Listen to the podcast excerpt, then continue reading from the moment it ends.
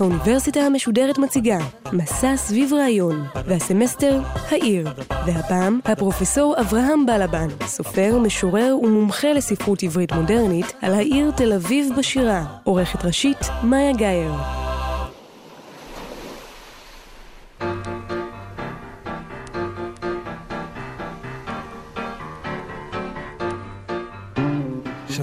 שמי אברהם בלבן. אולי שתי מילים על עצמי. יש לי למעשה כמה כובעים. לימדתי במשך שנים רבות כפרופסור לספרות עברית מודרנית בכמה אוניברסיטאות בארצות הברית, בעיקר באוניברסיטת מישיגן ובאוניברסיטת פלורידה. פרסמתי ארבעה ספרי שירה, שני רומנים וכשמונה ספרים של מחקר ספרותי. בארבע השנים האחרונות אני תושב תל אביב, ומפרסם בעיתון הארץ טור שבועי שנקרא רשימות תל אביביות. אלה רשימות שמספרות על תל אביב ועליי כתל אביבי חדש, ויש בהן תמיד גם איזה פן ספרותי הקשור לשפע הספרות שנכתבה על תל אביב. ובאמת, אי אפשר להתחיל שיחה על הספרות העוסקת בתל אביב בלי לציין את שפע הספרות שנכתבה על העיר העברית הראשונה. אם נוסיף לשירה ולסיפורת שנכתבו על תל אביב גם את ספרי הזיכרונות של מייסדי העיר ושל ילדים ונערים שגדלו בתל אביב הקטנה, לפנינו למעשה ספרייה שלמה. הייתי יכול להכין סירה שלמה על שכונת נורדיה למשל, כפי שהיא מתוארת על ידי משוררים כחיים גורי וכאבות ישורון, על ידי מספרים כיעקב שבתאי וכאמנון גולץ. אפשר היה להכין יותר משיחה אחת על סיפורת אוטוביוגרפית של סופרים שילדותם עברה עליהם בתל אביב, סופרים כשושנה שרירה, בנימין תמוז, יורם קניוק, נתן שחם ואחרים. וכמובן, ישנה תל אביב של שלונסקי ותל אביב של אלתרמן ולאה גולדברג ומאיר ויזלטיר. ומשוררים רבים נוספים. ולא צריך לשכוח שביאליק וצ'רניחובסקי אמנם כמעט שלא כתבו על תל אביב, אבל בשנות ה-20 וה-30 נכתבו שירים מעניינים מאוד על העיר החדשה על ידי משוררים מרכזיים כאורי צבי גרינברג ויעקב למדן. מכיוון שאי אפשר בשיחה אחת להקיף את כל הנושאים האלה, אתרכז הפעם בשירה התל אביבית. וגם בנושא הזה של השירה אתמקד בקטע מרכזי אחד בלבד. לפני שאגיע לשירים עצמם, כמה מילים כלליות על תל אביב כמקום ועל נושא דימוי המקום בכלל. פרופסור רוב שילדס, פרופסור לסוציולוגיה ולחקר ערים באוניברסיטת אלברטה שבקנדה, כותב בספרו Places on the Margin, Alternative Geographies of Modernity. אם כן, הוא כותב כי דימויי מקום נוצרים על ידי פשטנות יתר, סטריאוטיפיות ותיוג או מתן שם. וכך, בדרך כלל קיים פער גדול בין דימוי המקום לבין המקום המציאותי. זה נכון במובן מסוים גם לגבי תל אביב, ולא אחת נכתב על תהליך המיתיזציה של העיר העברית הראשונה.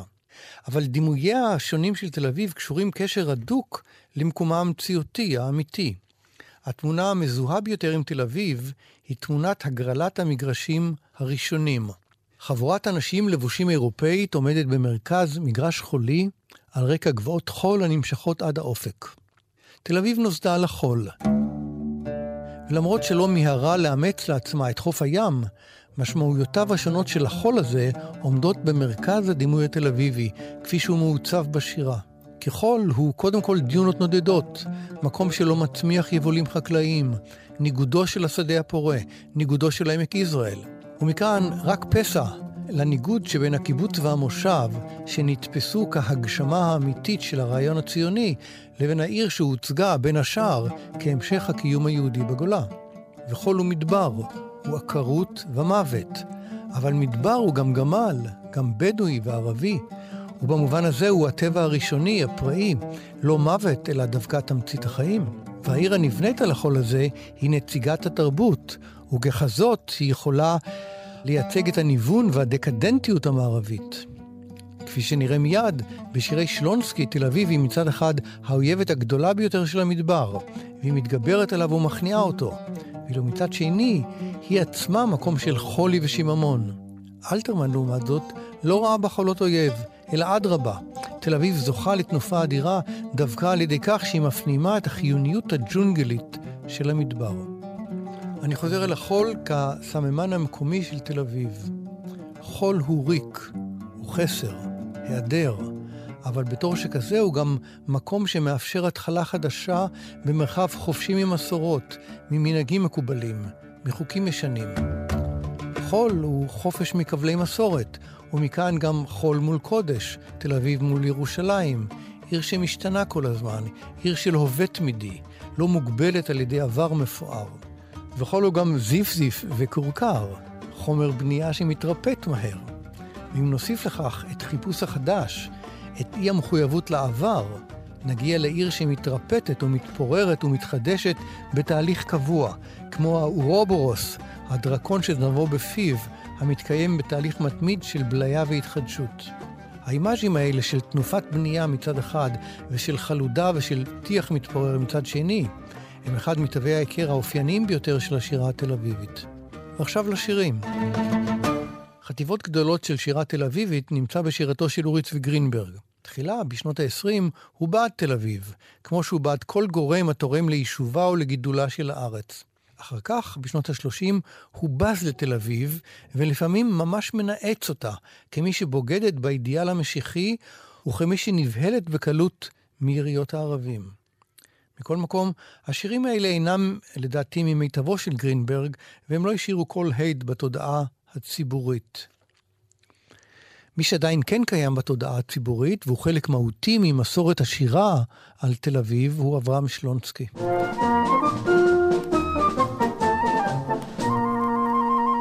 שלונסקי נולד ברוסיה בשנת 1900, נשלח ארצה בשנת 1913 כדי ללמוד בתל אביב בגימנסיה הרצליה, חזר לרוסיה במלחמת העולם הראשונה ושב ארצה עם העלייה השלישית בראשית שנות ה-20.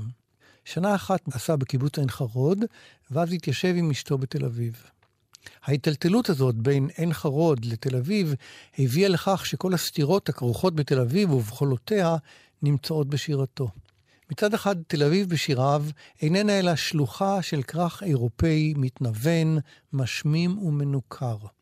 מצד שני, היא העיר העברית הראשונה, עיר שיש בה תכלתא דגאולה. איך פותר שלונסקי את המתח הזה? בספר שיריו הראשון של שלונסקי, בגלגל, כלול אחד משיריו הנודעים ביותר של המשורר, עמל.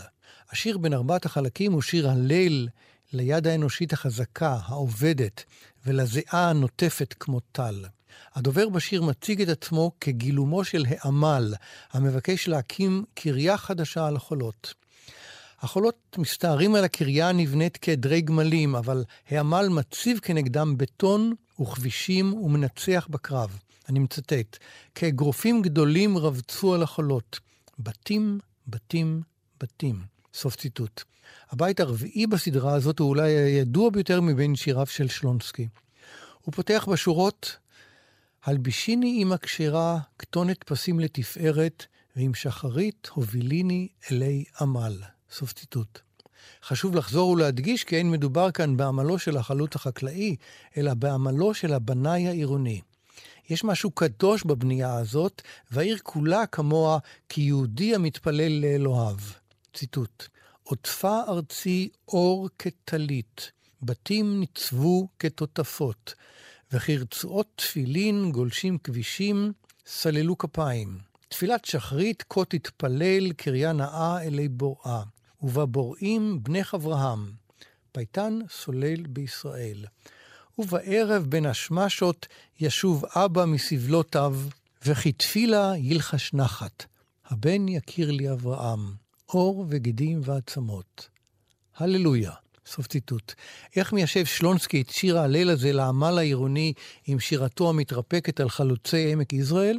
הוא עושה זאת בין השאר על ידי כך שהוא למעשה מטשטש את הפער בין העמק החלוצי לתל אביב, ומתאר את העבודה בתל אביב כאילו הייתה עבודה חקלאית. האצבעות שלו הן, אני מצטט, אצבעות אוחזות מגל ביום קציר, חובקות רגב, כוסה חרול. סוף ציטוט. מכל מקום, המחזור עמל הוא יוצא דופן בקובץ הזה. סדרת השירים בתל אביב, המופיעה באותו קובץ שירים עצמו, היא אופיינית הרבה יותר. תל אביב מתוארת בסדרה הזאת כעיר של בדידות, של שיממון ובטלה, והמשורר המטייל ברחובותיה אחרי חצות שואל את עצמו לשם מה ילך לחדרו, וחדרו, אני מצטט, כארון מתים המחכה למיתו. סוף ציטוט. בניגוד גמור לשיר עמל, אין בעבודה הקשה בשיר הזה כל גאולה, כל מרפא. אדרבה, השיר מסתיים בשורות הבאות: יום יום אעמול עמלי, ערב אשוב לביתי, ולא על הדלת. וככלב במלונה, אכרסם ברעב את הפת הקלוקלת. סוף ציטוט. לעומת התיאור הנלהב, המעצים של העבודה, בשיר עמל, כאן יש הנמכה גדולה של המשורר הפועל, המושווה לכלב במלונה, הנאלץ להסתפק בפת קלוקלת. כמו שירתו התל אביבית של אורי צבי גרינברג, שבמקרים רבים ליוותה אירועים אקטואליים, גם שלונסקי כתב את אחד משיריו הידועים ביותר בעקבות המאורעות. אני מתכוון לפואמה מולי שמעון שנכתבה בעקבות פרעות תרפ"ט. השיר בנוי על עימות דיכוטומי בין המדבר לעיר, בין טבע לתרבות. המדבר הוא ישימון, והוא שממה ושיממון, והוא תוקף את העיר ומנסה להשמידה. העיר מגייסת לעזרתה את הגמל, סמלו של המדבר, ונעזרת בו לבניית בתיה. אני מצטט: הכנעתיך היום גמלת שבתון, דווקא את תביאי מלט לבטון. שלונסקי, בתחכום הלשוני המוכר שלו, חורז כאן גמלת עם מלט, ובהמשך הוא חורז גמלי עם השיר החלוצי "יא חלילי עמלי". החריזה הזאת מאמתת כאן היטב את שני אגפיו של העימות בין טבע לתרבות. עימות דומה בין העיר לחולות מציג שלונסקי בסדרת דברים הפותחת את הקובץ על מילט. שוב נמצא כאן את הכביש כאבנט, את הבתים כאגרופים עזים וכיוצא בזה. אבל שלונסקי לא הפך להיות משוררה של תל אביב. הדחף השירי העמוק שלו הוא דחף רומנטי, המחפש את הטבע ורואה בעיר בטון אטום, חלונות אטומים וניכור. בתחילת שנות ה-30, כשתל אביב בשיא תנופת הבנייה שלה, הוא כותב סדרת שירים כמו סולמות, שבה הוא לועג לבנייה המואצת, שכמוה כבניית ארון מתים. ציטוט: והם בונים, בונים, בונים, כל כך לבן הסיד בעריבה זו המרובעת. הלובן תכריכי, העריבה ארון, כאילו מישהו איבד עצמו לדעת. והם עולים ומעלים את הגופה בפיגומים כמלט לתוכו בין לבינה ובין אריח. ובית על תילו. רק בלילות אימים רואה סגי נהור בהתפורר הטיח. אז יתארכו קירות, יתעקממו מאוד, כאילנות הניבטים מן הבריכה המתנועת. ושוב מלבין הסיד, ולא נודע הסוד, כי מישהו איבד עצמו לדעת. סוף ציטוט. אין ספק, ברובד העמוק ביותר שלו, שלונסקי מתרפא כרומנטיקן על הטבע, על צמחיו ואדמתו וחיותיו, ורק במקרים ספורים הוא נחלט להלל ולשבח את תל אביב. יחס שונה לגמרי לתל אביב נמצא בשירת בן דורו של שלונסקי, נתן אלתרמן. אלתרמן נולד בפולין ב-1910 ועלה עם משפחתו לארץ בשנת 1925. ב-1928 הוא נשלח לפריז ללמוד אגרונומיה, אבל כשחזר ב-32 נמשך לתל אביב ומהר מאוד השתלב בה. מעניין ששיריו הראשונים הם ברוח שירי הכרך הגדול והמנוון נוסח שלונסקי. השיר הראשון שפרסם בשטף עיר בשנת 1931 הוא מעין שיר הספד לעיר הגדולה. הוא מסתיים בבית שמתאר את העיר כסיום נתיב. כלומר, הכרך, העיר הגדולה, הם סופו של מהלך היסטורי שהתחיל עם איזה אב קדמון. הכרך הזה הגיע לסוף דרכו, והמשורר מרגיש כי, אני מצטט, שמי נתלו ללא מופת כעטינים ריקים. סוף ציטוט. התפיסה הזאת והאימאז'ים האלה מוכרים היטב משירי שלונסקי. אבל כשאלתרמן חוזר לתל אביב בשנת 32, הוא נכבש על ידה, הוא פשוט מתאהב בה. צריך לזכור כי התקופה הזאת היא תקופת השיא של תנופת הבנייה בתל אביב. אלתרמן גם הגיע מפריז עם תפיסת עולם חדשה, יונגיאנית. בניגוד לשלונסקי שראה את העולם דרך אופוזיציות בינאריות, דיכוטומיות, שאין ביניהן כל אפשרות של פשרה, אלתרמן הגיע מפריז עם תפיסה דיאלקטית של תזה, אנטיתזה וסינתזה. כלומר, לא עוד מלחמת אין קץ בין טבע לתרבות, אלא סינתזה בין הטבע לתרבות. סינתזה שבה התרבות ניזונה מן החיוניות הקדמונית של הטבע. באחת הרשימות המוקדמות ביותר שלו, תחת הכותרת תל אביב, ציורים, 1932, אלתרמן מתאר את תל אביב הנבנית על מדבר החול כמדבר חדש. גרגירי החול הנכלאים תחת מעטה הבטון אינם מעוררים כלל את צערו, שכן, אני מצטט, מוכרחה תל אביב לגדול, להיות כאחיותיה הרחוקות, מדברית ומדבירה, זרה ונאהבת, רבת המון ויופי וגבורה. עיר, עיר ג'ונגל וחשמל וברזל. והוא מסכם, על רקע הישימון הולך ומתיילד מדבר חדש, בכפרי הארץ ובשדותיה תנובה על רקע הישימון, וכאן מדבר חדש, אשר יהיה מפואר ועז ואכזרי מן הקודם. המשך ברור לתפיסה הזאת, ותשובה עקיפה לשלונסקי נמצא באחד השירים המרכזיים בספר שיריו הראשון של אלתרמן, כוכבים בחוץ, 1938. השיר ליל שרב פותח בתיאור לילה שרבי. השרב מבקש להמית את העיר, להשליט עליה את חיותיו ואת חולותיו. אבל העיר, בניגוד גמור לעיר המתוארת בפואמה של שלונסקי, אינה משיבה מלחמה שערה, אלא משיבה אהבה שערה. היא מתוארת כאישה מלאת תשוקה הנכנעת לגבר הכובש אותה.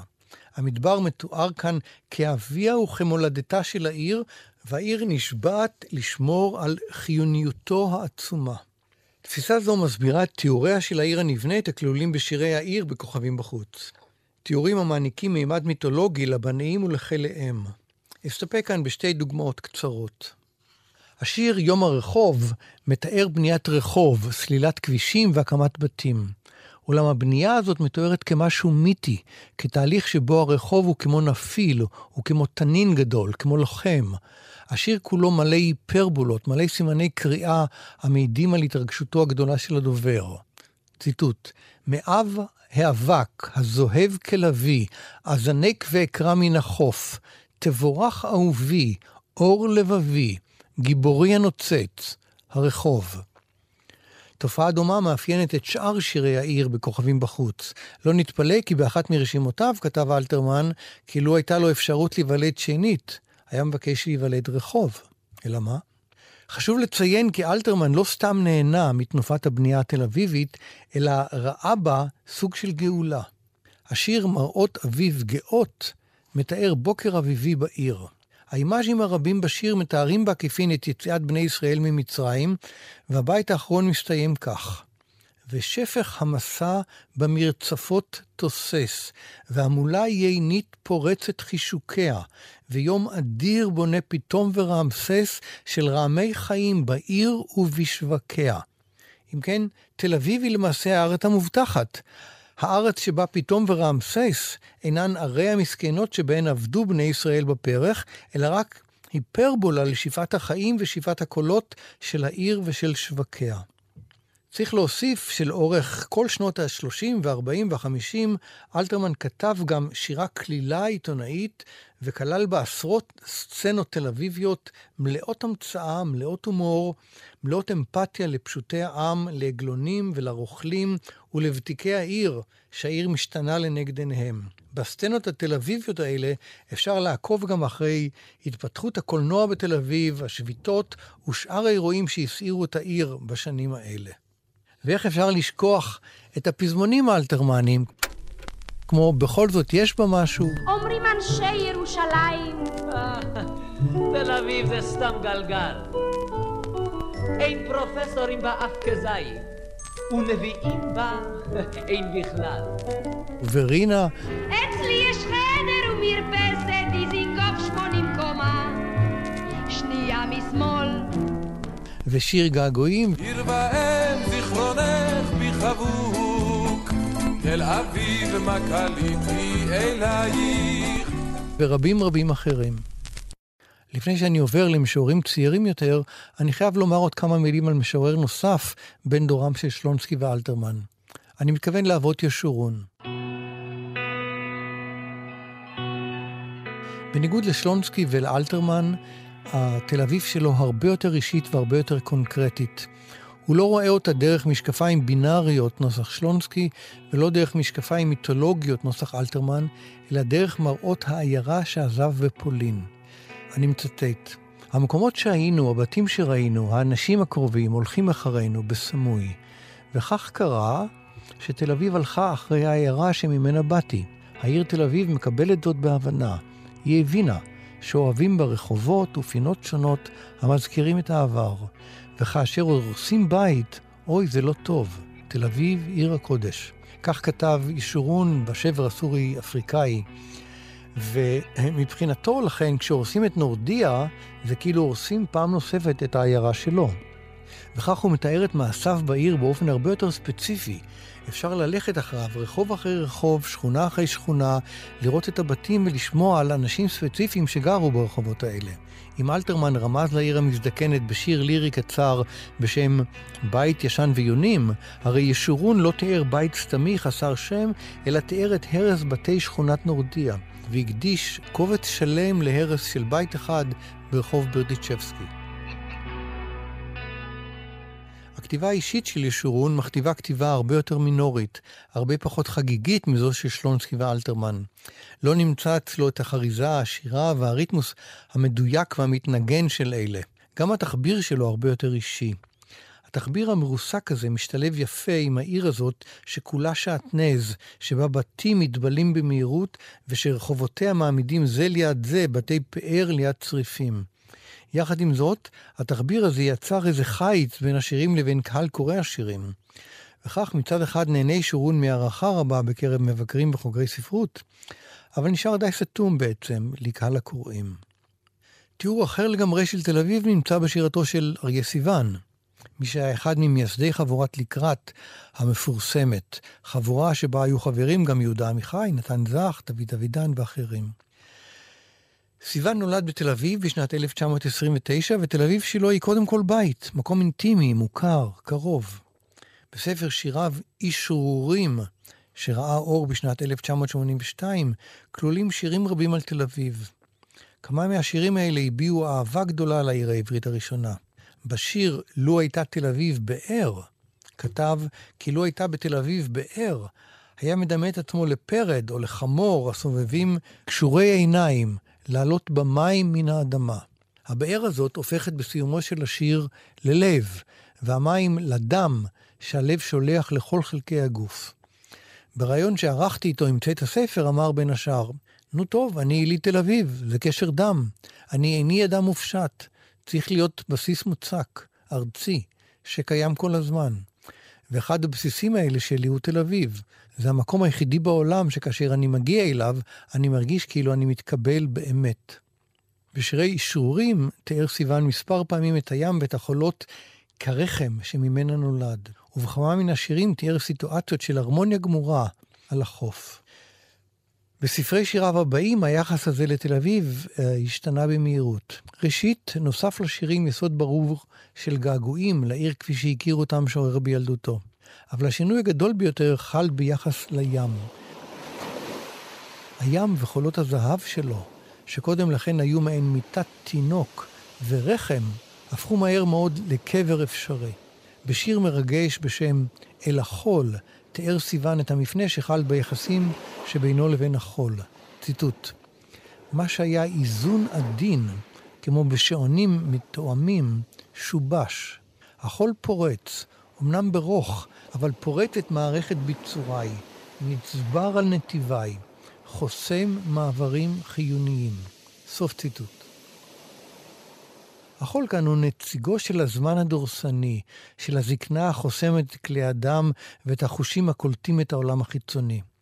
מן החול אתה ואל החול תשוב, ידע המשורר שגדל על חולות תל אביב. מבין המשוררים הצעירים יותר שכתבו על תל אביב, בולטים שיריו של מאיר ויזלטיר.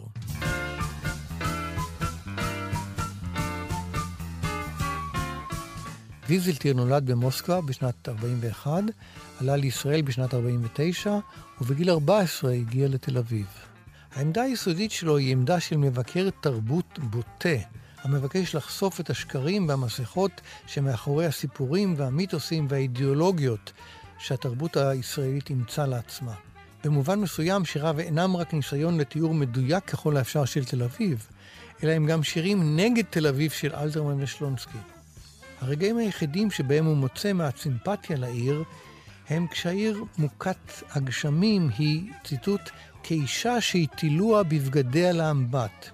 בריונים עשו לה את זה. והיא משוטטת עכשיו חרופה ברחובות, מייחלת לחסד. עשו נא חסד עם העיר הזאת. אמרו מילה חמה אליה. סוף ציטוט. ואם יש לו סימפתיה לתושבי תל אביב, הרי זה דווקא משום שהיא עיר בלתי מרגשת, מאורת טיח נואשת, נדנדת פח רועשת. אחד השירים היפים ביותר שלו בסדרה שרטוטים תל אביבים, כולל ארבע שורות בלבד. רחוב אבן גבירול מקביל לרחוב דיזנגוף, ורחוב דיזנגוף מקביל בחלקו לרחוב בן יהודה. כמו שלושה מיתרים עזובים ששרדו בנבל דוד. מכל מקום, הסימפתיה שיש לוויזלטיר לתל אביב היא מוגבלת מאוד. לא אוכל לצטט כאן במלואו את השיר צילום אוויר צולל, המופיע בסברו של ויזלטיר, שירים איטיים משנת 2001, אבל די להשמיע כמה שורות ממנו כדי להבין את עוצמת הבוז והכעס שמעוררת תל אביב במשורר. אני מצטט: תל אביב היא בור חשוך ומחניק של שממה רוחנית חדשה. עיר החיים עוטה המסכה המוטרפת בפרוטה, המרקדת על קברי העבר והעתיד. כי רק בעיר הזאת גם לעתיד יש קבר, והיא מוצאת כף לילדיה המכורסמים ללא הרף, בלי משים. עיר בלי מודעות, בלי זיכרון, בלי רצון. או נורא מזה, עיר של זיכרון מדומה, מטורלל, מחליף שקר שקוף בשקר שקוף, מודעות תדמיתית יחצנית, רצון פסיכוטי. עיר שעושה כמו, או אף גרוע מזה, מדמה לעצמה שהיא עושה כמו. מתה לעשות כמו, כמו ניו יורק, כמו אמסטרדם, כמו שטוטגארט, כמו משהו. אבל המעטה התרבותי המנצנץ שלה דק ושביר ומתמוסס, ובעל תוחלת ימים של שלט ניאון. עטיפה רפויה כרוכה סביב גוש של משוש, רוויחה דוחה של חומרנות מטומטמת, כוחנות תינוקית תובענית, אלימה, עצלות בוהה, התפנקות בריונית, ניצול דורסני, מניפולציה קצרת רועי, שחיתות, אטימות, שעמום, שיתוק רוחני, עזובה, ריקנות תפוחת קרס, מפוהקת, חיוך נושר אל הטבור. סוף ציטוט. ואולי עוד כמה מילים לסיום. תל אביב, כמרכז חיי התרבות והספרות בארץ, ממשיכה לככב בשירה העברית. כמה וכמה אנתולוגיות הוקדשו כבר לשירי תל אביב. האוסף האחרון של שירת תל אביבית, נכון להיום, יצא בסוף אה, 2016. זהו גיליון מיוחד של עיתון 77 בעריכת רפי וייכרט, שכותרתו תל אביב-יפו דיוקן שירי. ובו למעלה מ-100 שירים של משוררים שחלקם ילידי שנות ה-20 וחלקם ילידי שנות ה-80, והוא מתרכז בעיקר בשלושת העשורים האחרונים. תל אביב המתוארת כאן היא הרבה יותר אישית מתל אביב של אלתרמן ושלונסקי. בחלק מן השירים העיר היא אה, רקע בלבד לחוויות של אהבה, של בדידות ושל געגועים, ובחלק מהם היא הנושא עצמו. שוב נמצא כאן את החול, את העיר המתפוררת ומתבלה במהירות, את הפאר ואת האפר. כצפוי, תל אביב הזאת מעוררת איבה ואהבה גם יחד. מעניין להזכיר כי כבר יצחק למדן בשיר אה, ברחוב, שראה אור בשנת 1930, כותב על תל אביב, אני מצטט, אהבתי קריה זאת, אהבתיה ושנאתיה. את הכפילות הזאת נמצא גם באנתולוגיה הזאת. ואולי אסיים בכמה שורות מתוך שירה של דליה רביקוביץ', שנקרא שוכבת על המים. השיר נפתח בעיר ים תיכונית מסריחה, גהרה על המים, ראשה בין ברכיה, גופה מזוהם בעשן ואשפות. סוף ציטוט. ובסיומו של השיר כותבת רביקוביץ', והיא אינה ראויה, אינה ראויה לאהבה או לחמלה. עיר ים תיכונית מזוהמת, איך נפשי נקשרה בנפשה. אני חושב שזה תיאור ממצה של רבים מן השירים שנכתבו על תל אביב. לטוב או לרע, נפש רבים מאיתנו נקשרה בנפשה.